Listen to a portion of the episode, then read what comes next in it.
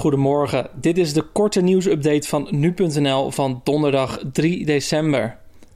Bij het ministerie van Volksgezondheid en het RIVM was eind februari nog de indruk dat het coronavirus minder dodelijk was dan de griep.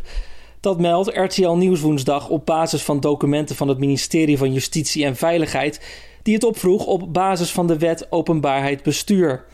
Op 26 februari wordt geschreven dat de mortaliteit van de griep hoger is dan die van een coronavirusinfectie.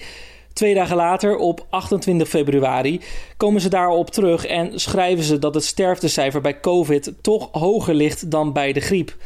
Verder wordt ook duidelijk dat ze de maatschappelijke onrust en de druk die het gaat hebben op de zorg als grootste risico's beschouwen. De Franse oud-president Valéry Giscard d'Estaing is woensdag op 94-jarige leeftijd overleden, mogelijk aan de gevolgen van het coronavirus. De centrumrechtse Giscard d'Estaing werd ook wel aangeduid met zijn initialen VGE. Hij werd op 48-jarige leeftijd in 1974 president van Frankrijk. Na zijn verkiezingsnederlaag in 1981 bleef hij actief in de politiek. Zo bekleedde hij de functie van voorzitter bij de Europese Conventie, die in 2004 een Europese grondwet presenteerde. De douane heeft woensdag in de Rotterdamse haven in totaal 421 kilo cocaïne ontdekt, met een straatwaarde van ongeveer 31 miljoen euro. Dat meldt het Openbaar Ministerie. De drugs zaten verstopt in twee containers gevuld met bananen en medische hulpmiddelen. Beide containers kwamen uit de Dominicaanse Republiek. De ene was onderweg naar een bedrijf in Hoogvliet, de ander naar een bedrijf in Zwitserland. Die hebben vermoedelijk niets te maken met de drugs.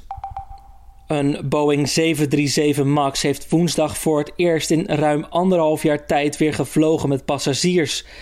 Vliegtuigen van dit type staan sinds maart 2019 wereldwijd aan de grond na twee crashes in iets minder dan vijf maanden.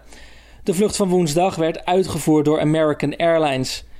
De luchtvaartmaatschappij heeft veel toestellen van dit type en wilde laten zien dat het weer veilig is om aan boord te gaan.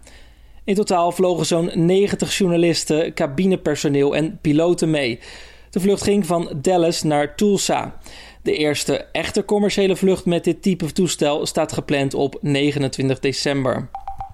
De conservatieve Hongaarse Europarlementariër Jozef Sayer, die werd opgepakt op een homoseksfeest in Brussel vanwege het schenden van de coronamaatregelen, heeft zijn lidmaatschap van de regeringspartij Fidesz van premier Viktor Orbán opgezegd. Fidesz is openlijk tegen gelijke rechten voor LHBTI's. Sayer had onder meer meegewerkt aan de Hongaarse grondwet die het huwelijk tussen man en vrouw heilig verklaart. Volgens de Hongaarse premier Orbán is de actie van Zayer onaanvaardbaar, onverdedigbaar en onverenigbaar met de waarden van hun politieke familie. Orbán zei woensdag tegen een Hongaarse krant dat hij het werk dat Zayer heeft gedaan niet zal vergeten.